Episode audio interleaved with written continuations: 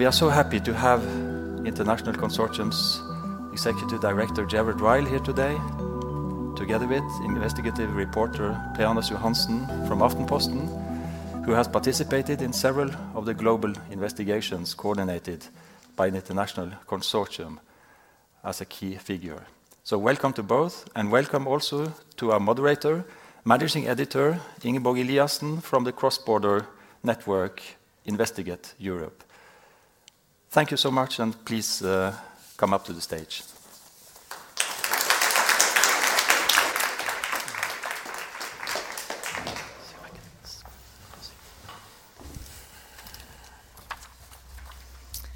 Hi, everyone.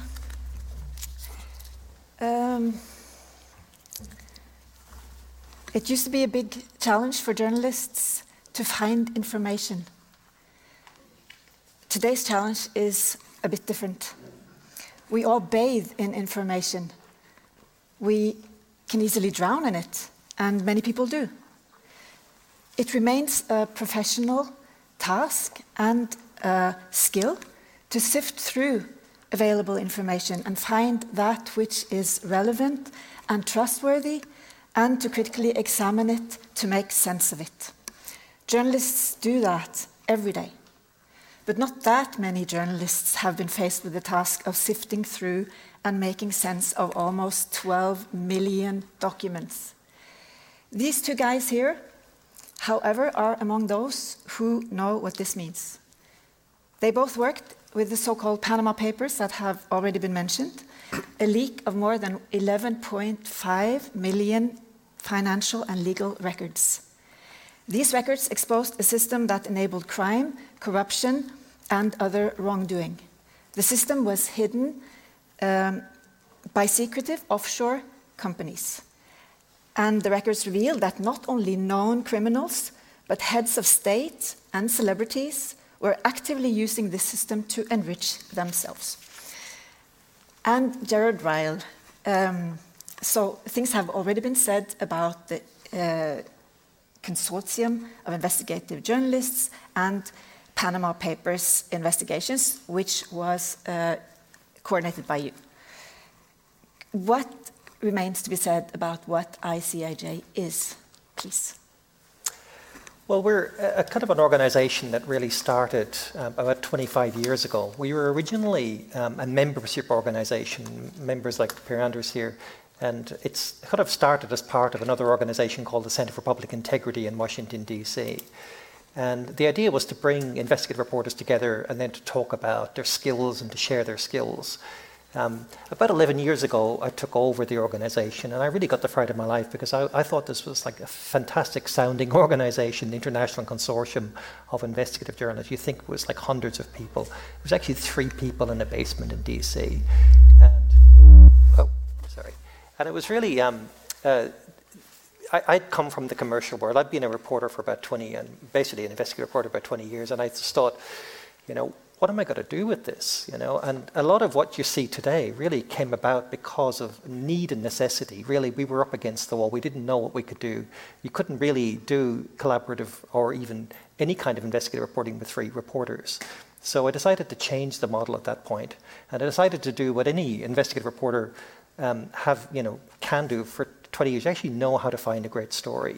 And I thought, "Well, if I can find a great story and then bring it to media partners and convince them to give me their reporters, then I can suddenly have an army of reporters." And it, um, it actually started with a very small story. I brought an idea to the consortium when I took over as director. I actually wanted to look at the commercialization of human bodies, how dead bodies were turned into medical products around the world. I mean, if you ever wonder why an athlete can get up off the soccer field after, you know, ruining their cruciate ligament, think about how that's done. In fact, sometimes a cruciate ligament is taken from a dead body and then transplanted into the athlete, and that's how it happens. But also, an awful lot of commercial and cosmetic surgery comes from recycled human beings. And I started, we started working on that story. I think we had about eight media partners who were interested in it, and uh, we basically did it the way the Center for Public Integrity did things, which is you you research a story, you hire a couple of freelance reporters, and then you do the story, and then you approach the media partner at the end of the story, which is what is traditionally done in America. And I went to the Washington Post. With, I mean, I basically we researched the story, and we actually found a lot of the bodies that were being used by these American firms on Wall Street were actually coming from Ukraine. And and you know, when you're taking a human body and stripping of it its various parts, I mean, human body at the time was worth about two hundred thousand dollars if you took out its bones and skin and other things. And what they were doing is that you know, and you need, I guess, you also need to know that that doesn't have any pathogens or HIV or hepatitis or other things. They were taking bodies from Ukraine, bringing them to Germany, relabeling them as bodies of German bodies, and then bringing them into America, and then turning them into all these different products that were being sold in hospitals around the world. And I went to the Washington Post with this story, and I said, I've got a fantastic story. And my first lesson was I said, Well, how do I know that the research that you're doing um, was real. How do I trust these Ukrainian journalists to know that what we have is real? And that was my first big lesson in that if you want to do this kind of work, you've got to involve reporters from the very beginning, and ideally their own reporters, because then they trust the story at the end. And that also got around the other big issue we had at the time was how do you actually find an audience for the story once you've done it? And that solved my problem. So a lot of what we've done over the last 10 years, don't think that we walked in there with a great master plan. It was actually by doing things wrong and then by learning from them, but also it was very much a collective effort. Everybody brought something to the table. Great, and we'll hear much more about how that evolved. Uh, per Anders, uh, can you spell out what the connection between ICIJ and Aftenposten is?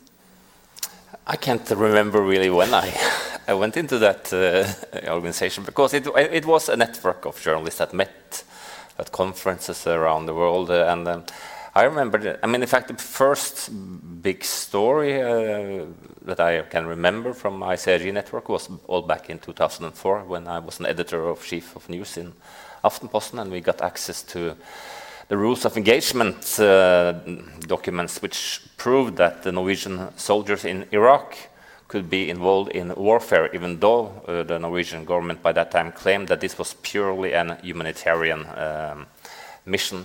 But um, I remember very well uh, 2015, I was planning to go to Moscow as a correspondent. I was in the middle of the vacation with my family. And then uh, Ryle and his colleagues said that we have to talk, and uh, I was sitting on a cafe in Vienna because when, when, they call you, you throw away everything. So I stopped my vacation, and uh, we had uh, a talk about. Um, that, that was the first talk for me about Panama Papers, and my job as a journalist then is to, of course, convince my editors, colleagues that this is something uh, that we should uh, go into. Um, and well, that was the start of a big project, uh, amazing. And um, how many times? If, if you, take the just go nine months uh, after that, I was sitting um, in Moscow in Kutuzovsky Prospect. Have any of you been to Moscow? That's the road that Putin takes when he goes from uh, his home to the work every day. And I was sitting there and uh, writing my part of the Panama Papers, and suddenly there is this emergency press conference in Kremlin, and Putin's press officer says that Russia, get ready, there is an attack coming, an information attack. And then I suddenly understood that they were talking about what I was sitting there and writing and looking into in, my, in my office. I, I felt a little bit scared, of course, but at the same time, I knew that I was a part of a, just a fantastic operation with three, four hundred journalists working on the same issues. So I said to myself, there's nothing to be afraid of. This is going to be really exciting. Um, so these Panama Papers began with a leak of 11.5 million documents, which is mind blowing. Um, where do you even start to make sense of something like that? Well, again, by making mistakes. When we, when we first started doing the offshore work, we actually we had a smaller leak of about two and a half million documents. This was back in 2013, and we had this idea at the time that what we'd do is we'd set up hubs around the world and we'd bring the reporters to the hubs, and then we'd they'd be able to look at the documents, and then after three or four days, go home to their home countries and write stories. And we quickly realized that this was a total disaster because the reporters needed access to the documents at all times. And this is where we hit on the idea that if you just put everything into the cloud and allow the reporters to look at rep- uh, all of the documents all of the time, you were going to get a much better result. So again, by making mistakes, it was a lot of a long journey from 2011 when I started doing this to 2015 when we were doing Panama Papers, and it was by making the mistakes along the way. We ended up hiring how to make sense of it. We actually build our own technology. We did the Panama Papers, again, on a complete shoestring. Again, we're still sitting there with three people. At this point, I had 10, but we're still working with nothing. We needed to show the reporters all the documents, so we decided to use a system. We used open source software that had been designed for librarians to share their files and to share their book files. And that's how we built our first system that would, would share the documents. And then we also realized we needed a newsroom because we wanted the reporters to go into the online newsroom and to talk about what they were seeing in the documents. Because when you're doing these big projects, you want everybody to share. So if you see the Queen of England on day one, you want to be you want to be sure that someone is sharing that, but not just that, but also the context around what you're seeing, because it's very important to have context. So we ended up building another system, which was our online newsroom, and that was actually built using a, um, software that had been designed for a dating website because we thought, well, how better to get people to meet than to do that. Now, these days, of course, it's a lot more sophisticated, but that is essentially how we did Panama Papers. We got the reporters together to talk about what they were seeing in the documents, and we made all the documents available to the reporters. And it worked a kind of a treat because we basically worked in secret for almost 12 months. We wrote about hundreds of different politicians around the world. We took on not just Putin, but lots of other, other things. And in fact, I was delighted when Putin called that press conference a week beforehand because it almost guaranteed that the world was going to sit up and take, take notice of this story. And, and so, uh, in this preliminary phase, when you sit on the material, you have to somehow find out that, okay, Norway is involved somehow here. So, I wonder, Per Anders, how, how prepared you know, how, how, much sense did the material make when you were presented to it, and, and how much remained to be done to make it into something somebody, ordinary people, would want to read? Well, this was not the first leak for me and my colleagues. We, we were also working with the Swiss leaks a few years before, but uh, can you imagine that I was sitting there in Moscow and I had access to everything? Everything was secure, uh, I was able to work regularly, uh, go in and check what all the other 400 journalists were uh, reading, and and that we were able to, that, that ICIJ were able to provide such a secure working environment, uh, I think is still amazing. Uh, and one of the things that was fascinating, I mean, have you ever seen 400 journalists together at a conference or anywhere? I mean, it's so chaotic. Nobody wants to listen. Everybody wants to hear their own voice. You know, it's uh, it's really um, well something. And here ICIJ were able to create a digital environment where uh, everything was so efficiently organized. organized. I mean, everybody was creating our own uh, small environments. We found out who was looking at the same documents. We were de developing different IDs, and and this job was just going on and on for for months. And of course, we did not know from the beginning what we will find, find but, uh, um, but I think one of the things that was also important was that uh, we learned from each other and from the people in ICIJ, which of course had peaked from the beginning. I mean, they needed to have some ideas and hypotheses uh, so that we knew that there will be some fishes to be caught. But uh, of course, we were all surprised when we saw what we were able to find all together. And you had to do a lot of legwork, I guess, to, to make this into something. Yes, and here there are, of course, differences between, uh, between the different uh, news media and the staffs. I mean, I, I thought I worked in a small Norwegian newspaper, but suddenly I understood that we have just as many journalists as Guardian, mm. and uh, we spent, often spent a lot of resources on Panama Papers.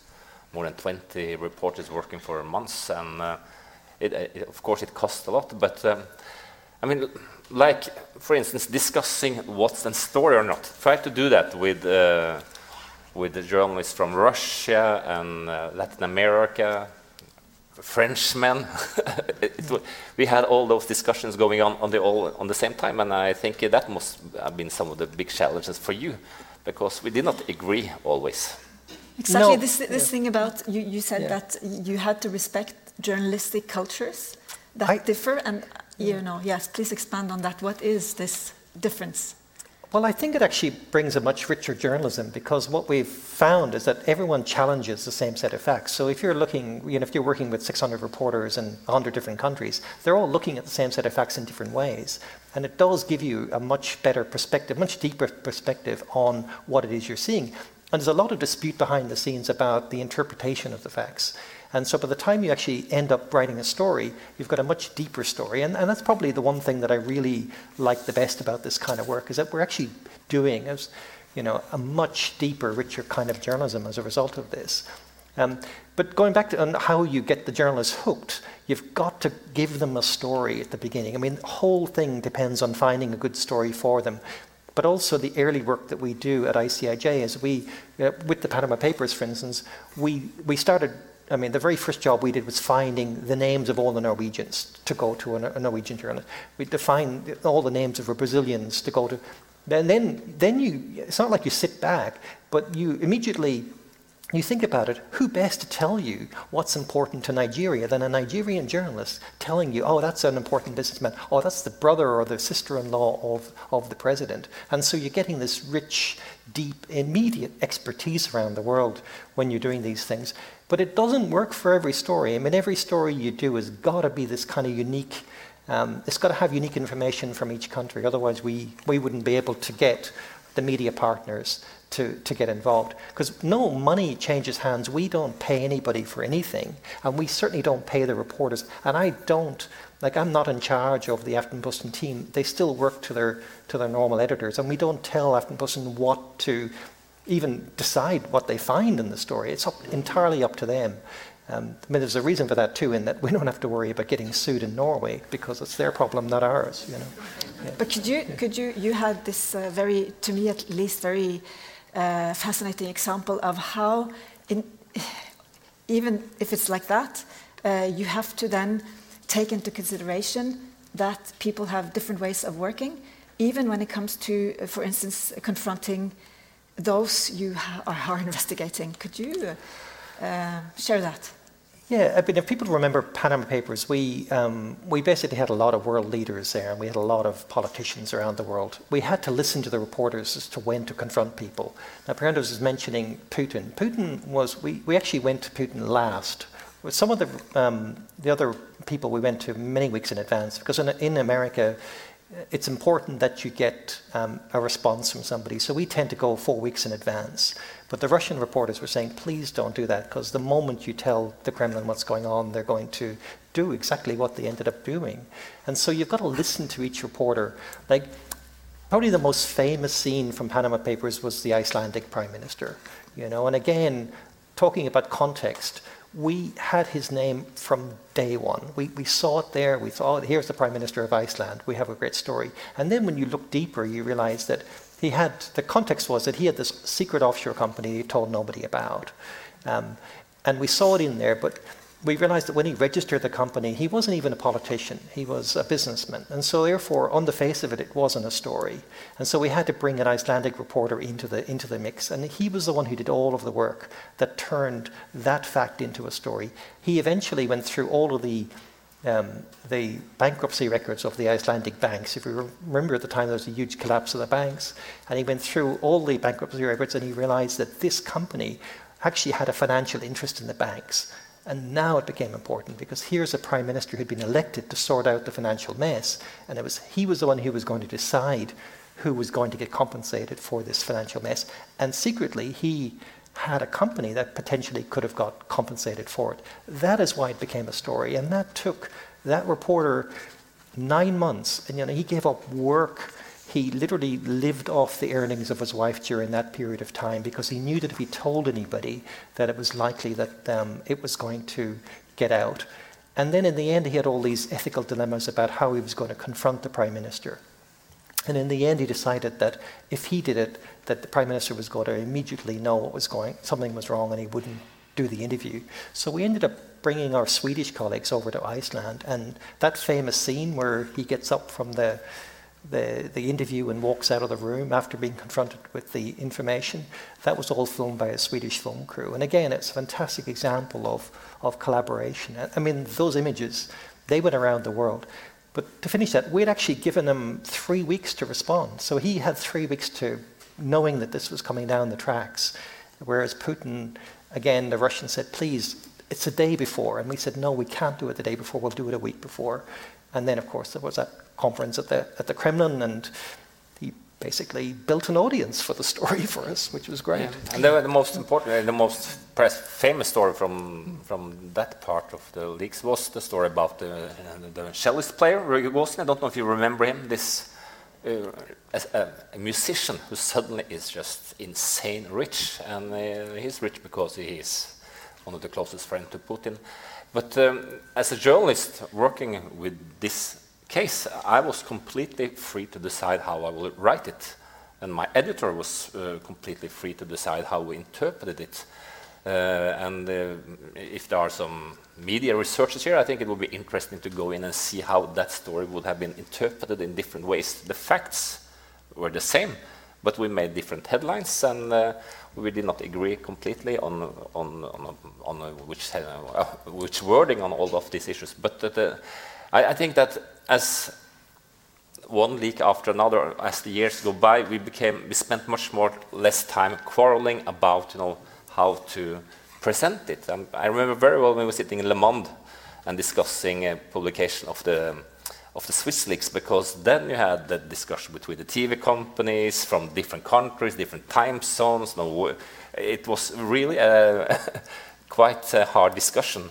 And uh, when it comes to when to publicize, I think now uh, we, um, at least little Aftenposten, we accept that uh, somebody has to decide when we do it. And there uh, you have to have some uh, luck too with the timing because, of course, uh, um, journalism is timing, and some of these issues have been uh, really good timed, and that is not something I will boast about.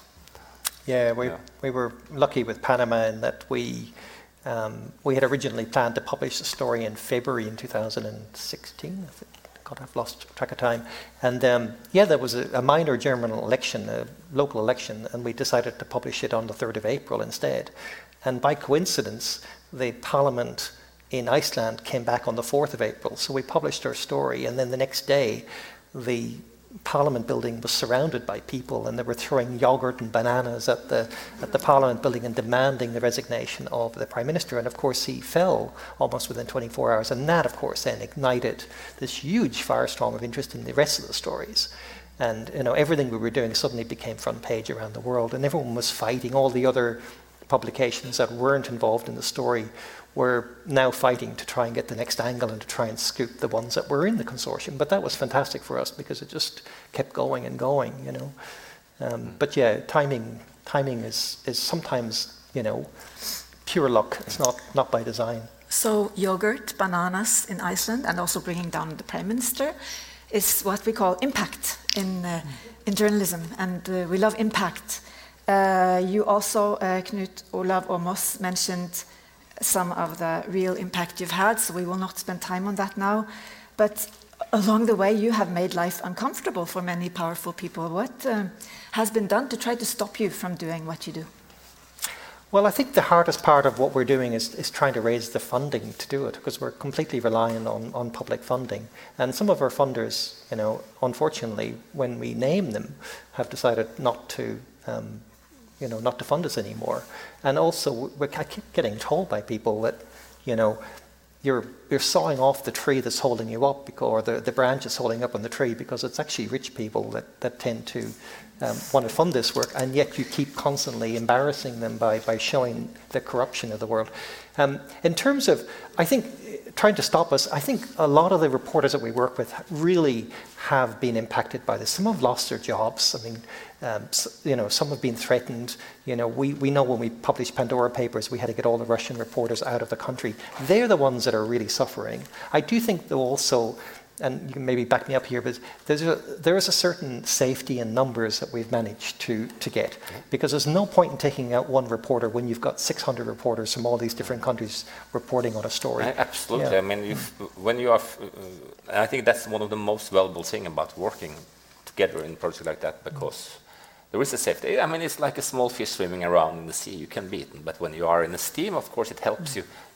on physical security, I think. Uh, one of the journalists who had biggest problems after Panama Papers were the Ukrainian journalists who, who, who revealed a story that we all knew would be big, but perhaps not so big as it became because of the way that the Ukrainian president handled it. But you know, perhaps remember the Chocolate King, as he was called, who was supposed to, um, to clean up the Ukrainian society against uh, corruption and, and many other things one of the things that the Ukrainian journalist and ICIJ found was that he had already installed and made his own uh, several companies, uh, offshore companies, where he could stream money. And, and the Ukrainian journalists, they were hunted and had a big fight that continued for months, long after everybody else had forgotten about it.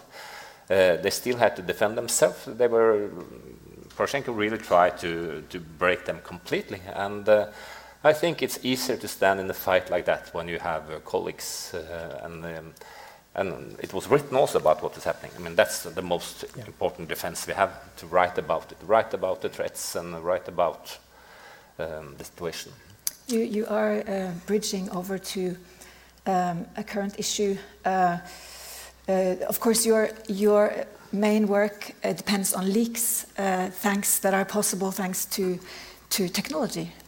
Um, and uh, you recently again exposed crimes that uh, Kjersti Fløgstad mentioned um, that would be seen as threatening Chinese national security interests. Um, with these uh, camps in the Xinjiang province that Aftenposten also had last week. Uh, but the people who first demonstrated the power of such leaks when teaming up with media organizations in many countries were Julian Assange and, uh, and uh, WikiLeaks back in 2010. And uh, major newspapers like The Guardian and The New York Times and Der Spiegel and others published what they call the Iraq war logs, which were a leak of secret American files that exposed war crimes by American forces in Iraq, which many of you will remember. So, uh, the question uh, I'd like to ask is if you should get a leak that threatens US national security interests. What would you do to avoid being hunted, charged, and potentially jailed for 175 years? Which is the situation that Julian Assange finds himself in at the moment? Well, my answer to that is to do it not to make yourself the story, not to make the, any one person in the organization the story, but to make the organization, um, you know, basically, you know, stick behind the organization I would, I would, I wouldn't hesitate to publish anything. I mean, I have made this comment before, but if I found something on my grandmother, I would, I would publish it if it's, if it's something that's in the public interest. And I think that you've always got to ask yourself at the beginning, though, you know, when you're getting information, is it in the public interest? And I think that's the only criteria as a journalist, not where it's coming from or, or the background, because everybody giving you information has got some sort of agenda. You know, even, you know, think of it, even the, every major story in the world relies on someone telling a journalist something. So, therefore, I would argue that every story is a leak of some kind. It's just a question these days, because of technology, you're able to get enormous amounts of information and you're able to look at enormous amounts of information in a way that you weren't able to before. But I don't know, what, what are your. Yeah. No, when I feel such a despair and anger when I think of what's happened to Julian Assange. And uh, I remember when we met him here in Norway, many journalists in the beginning, in the absolute beginning, if somebody had told me the, what would happen to him and uh, his destiny after that, I, I would. I mean, it's unbelievable how he has been suffering. And of course, I mean, there've been written books about what happened and and we're not going to have that discussion now. But I'm absolutely sure that uh, as a part of this network and also as a part of my newspaper. I mean, I mean we are doing stories which, uh, where we are, are, accused of violating the national security or making harm. I mean, that's part of that job uh, in, in different levels, of course. And, uh, and um, the story I mentioned uh, for you in my first ICIJ story as uh, in, in, NRK, I mean, after that, the NRK was put under investigation by the National Security Agency which perhaps became the biggest story. I don't think so many remember it, but it uh, NRK was under investigation by the Na National Security Agency because of the printing of that, uh, that story about the rules of engagement in mm. Iraq. Mm. So this is a, a, threat we are facing all the time. And I mean, what can we do as journalists? I mean, we have to of course, protect ourselves. And it, uh, it's a protection to work together with others, but the biggest and most important thing is to, to, to write the truth, of course. Mm. The, the, today, at least in Norway, the, the um, journalism and freedom of speech organizations are unison in denouncing the American charges against Assange. But this sympathy has not uh, been at display at all times in these, all these years, and not even by media that um, published information from WikiLeaks, such as Aftenposten. Uh, so, in, in your, uh, you know, uh, with 2020 hindsight, uh, how do you assess Aftenposten's legacy?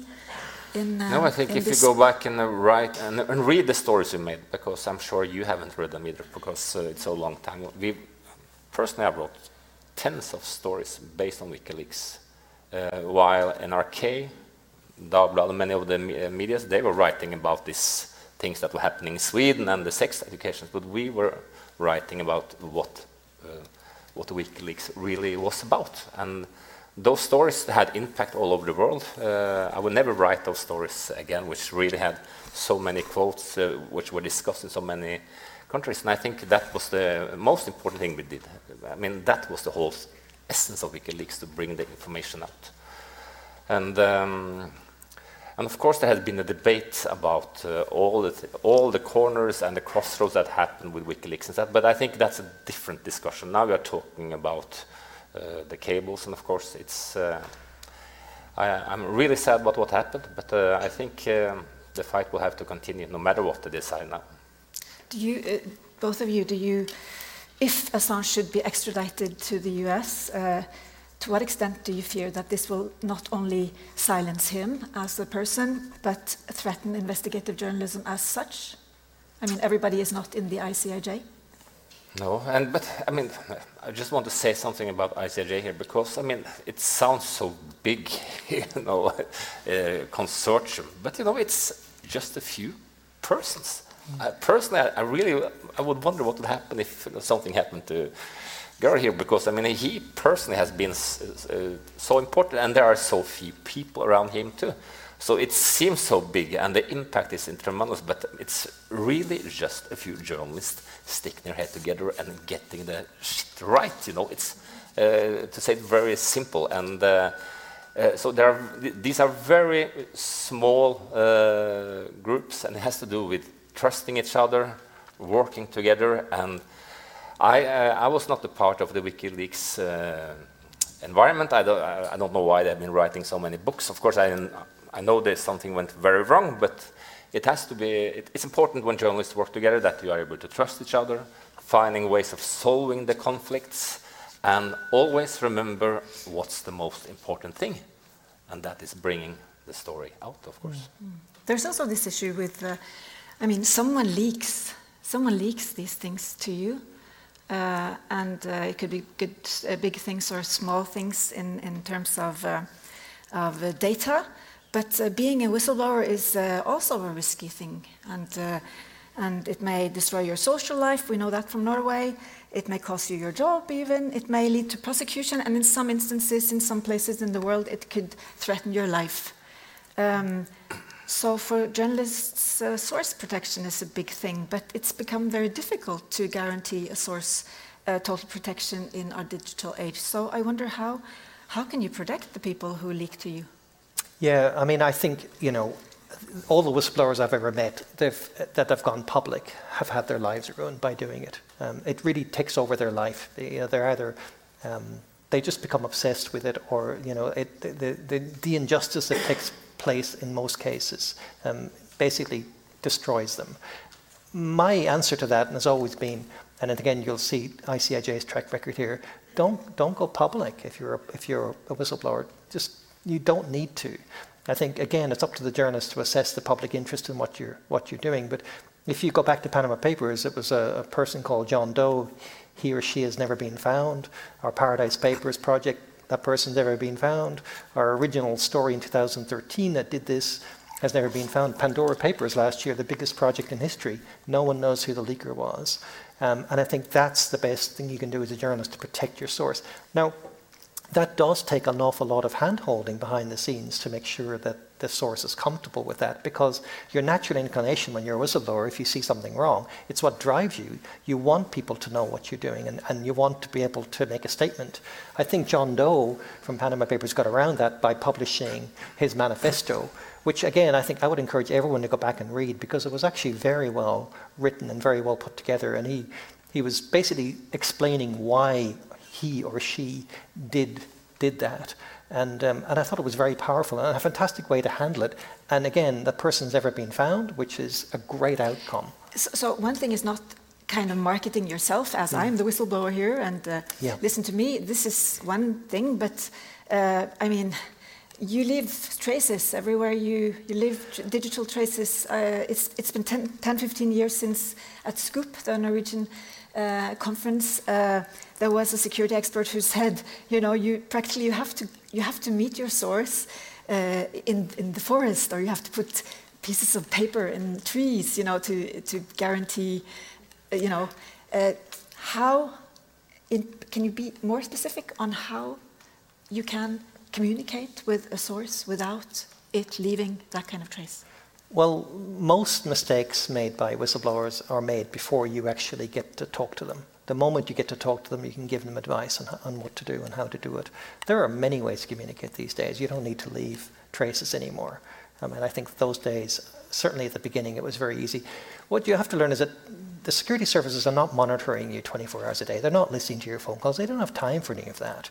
But what they can do, and what, what they're very good at doing, is tracing events afterwards. So cross referencing your, your flights, what countries went into, um, your call charge records on your phone. They may not be listening to what you're saying on the phone, but they, they can actually work out who you've been phoning. So again, taking very simple precautions as a journalist, you know, not using, you know, having different phones and different different SIM cards and other things, you can actually prevent a lot of that.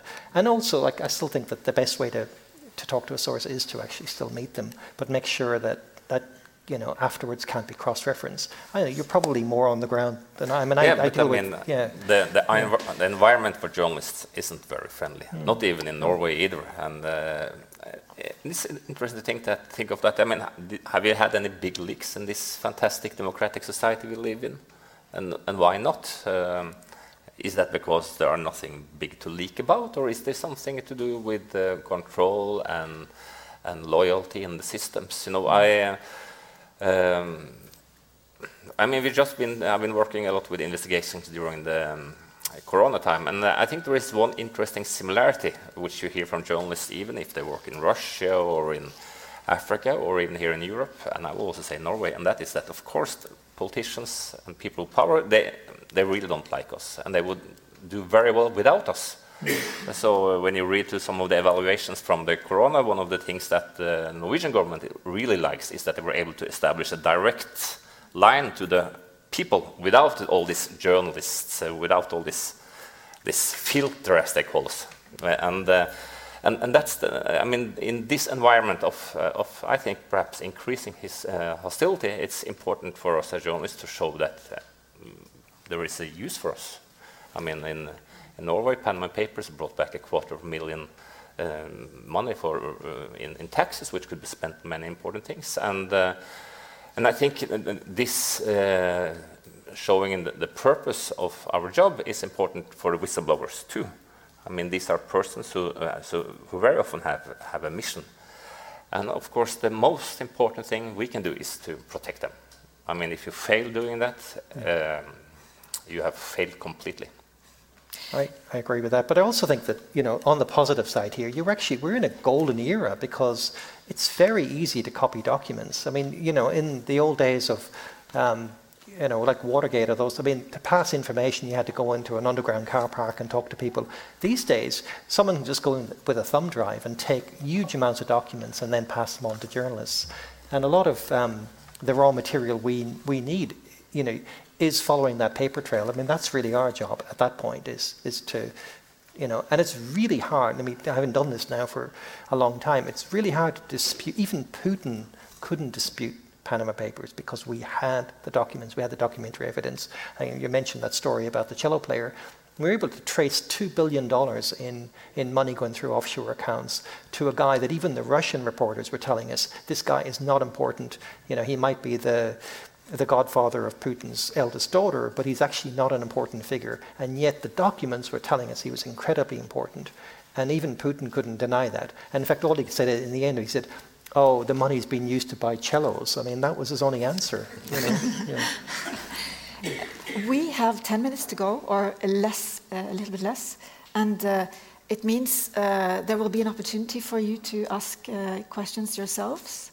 If you signal, uh, yes, we will have a mic, and you can prepare uh, your question while I ask is there anyone who has one burning? Yes, you do. Okay.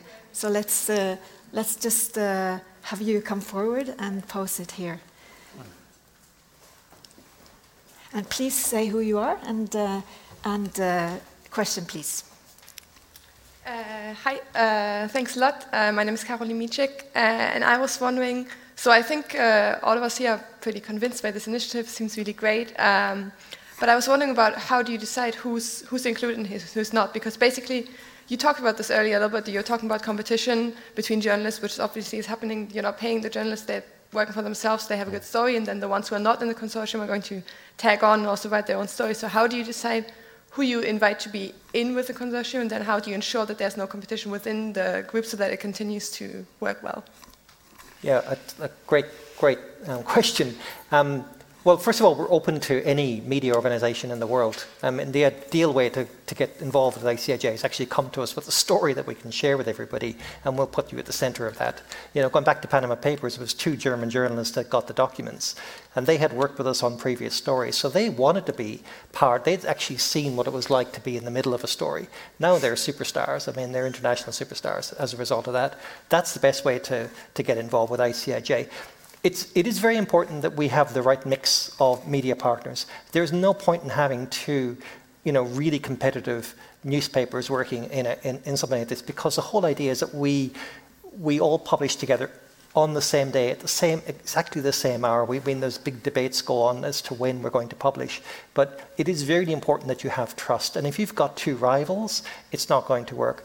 Ideally, we like to look for like a radio station, a TV station, and a newspaper in each country. That's our ideal mix.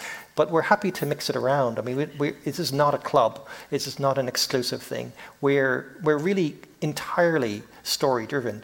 But I mean, maybe you could talk a little bit about to the sensitivities.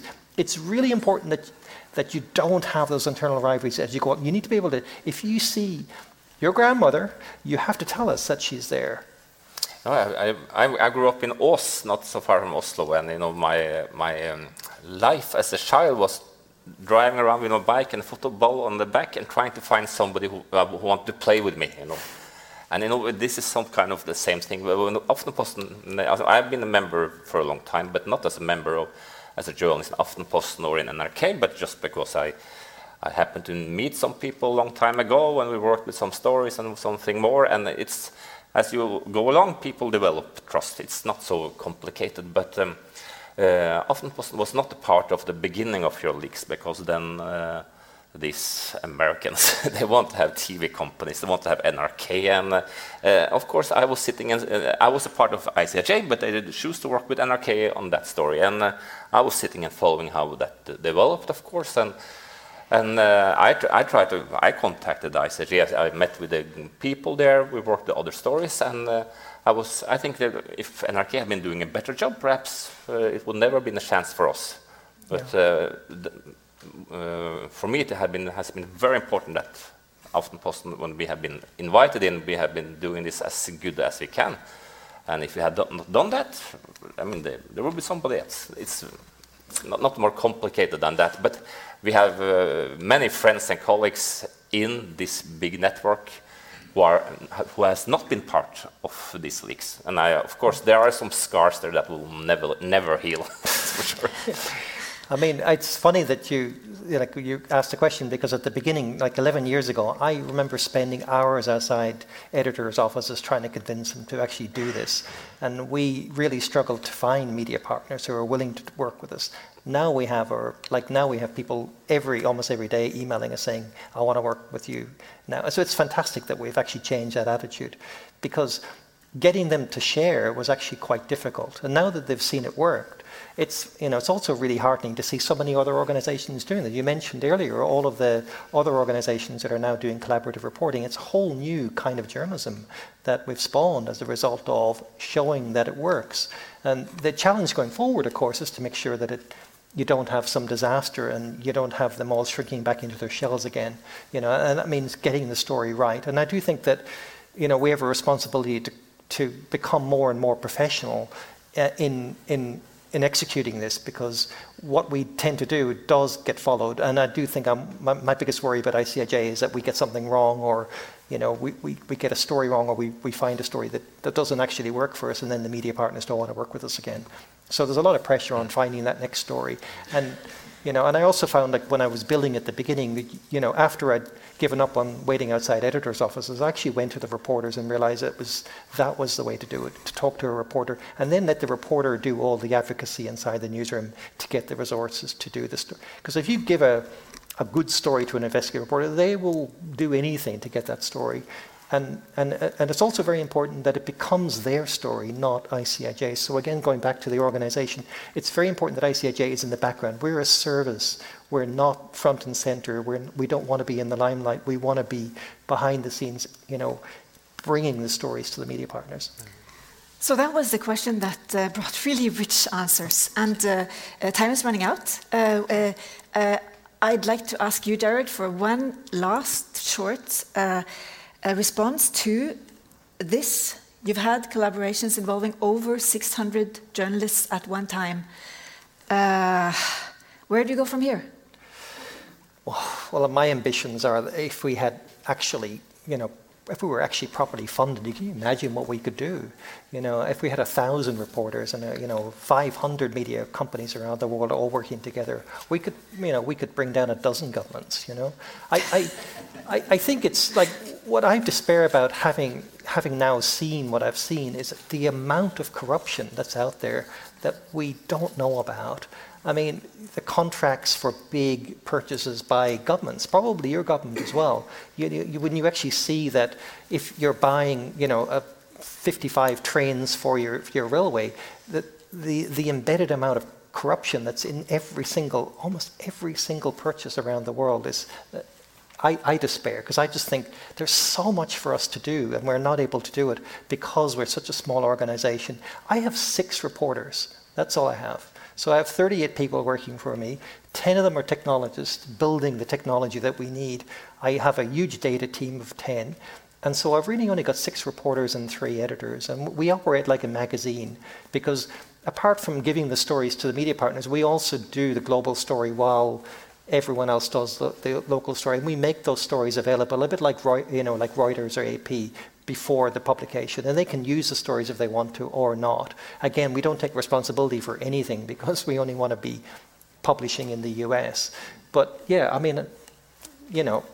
Yeah, give us 100 million, give us 300 million. yeah, I mean, like yeah. uh, with that organization, they are about one tenth or something of the PR officers in Equinor, or uh, or uh, or the PR officers in the in the ministry. Yes. So it, it's a small. Uh, it's nothing. So with this appeal to whoever, I'm looking at uh, Knut Olav Åmås. Uh, uh, thank you very much, both of you, and uh, and now Kjersti Fløgstad.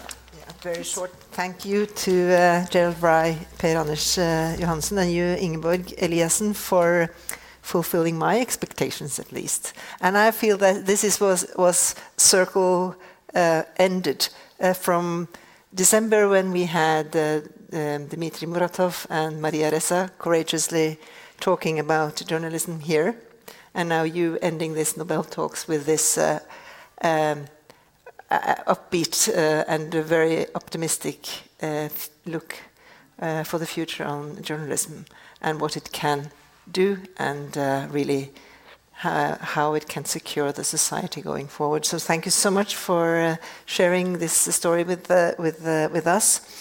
Uh, this was the last Nobel Peace Talk before summer. We've had a series of 10, all with very high quality and a lot of uh, good content. They are available as podcasts or at streams at the Nobel Peace Center's website. This will also be available. So if you want to share it on social media after this, please do. It will be available quite soon. And thank you so much, Knut Olav Åmås and Fritt Ord, uh, for supporting uh, this uh, series and this event, and to Hydro, Luminit, and Reitan Retail, also our supporters. Um, on 1st, 2nd, and 3rd of September, we're going to have Freedom of Expression Festival and Freedom of Expression Conference. So we're going to end off the whole year with quite a big bang, and perhaps we will see you again. What do I know? And thank you so much for coming. Thank you.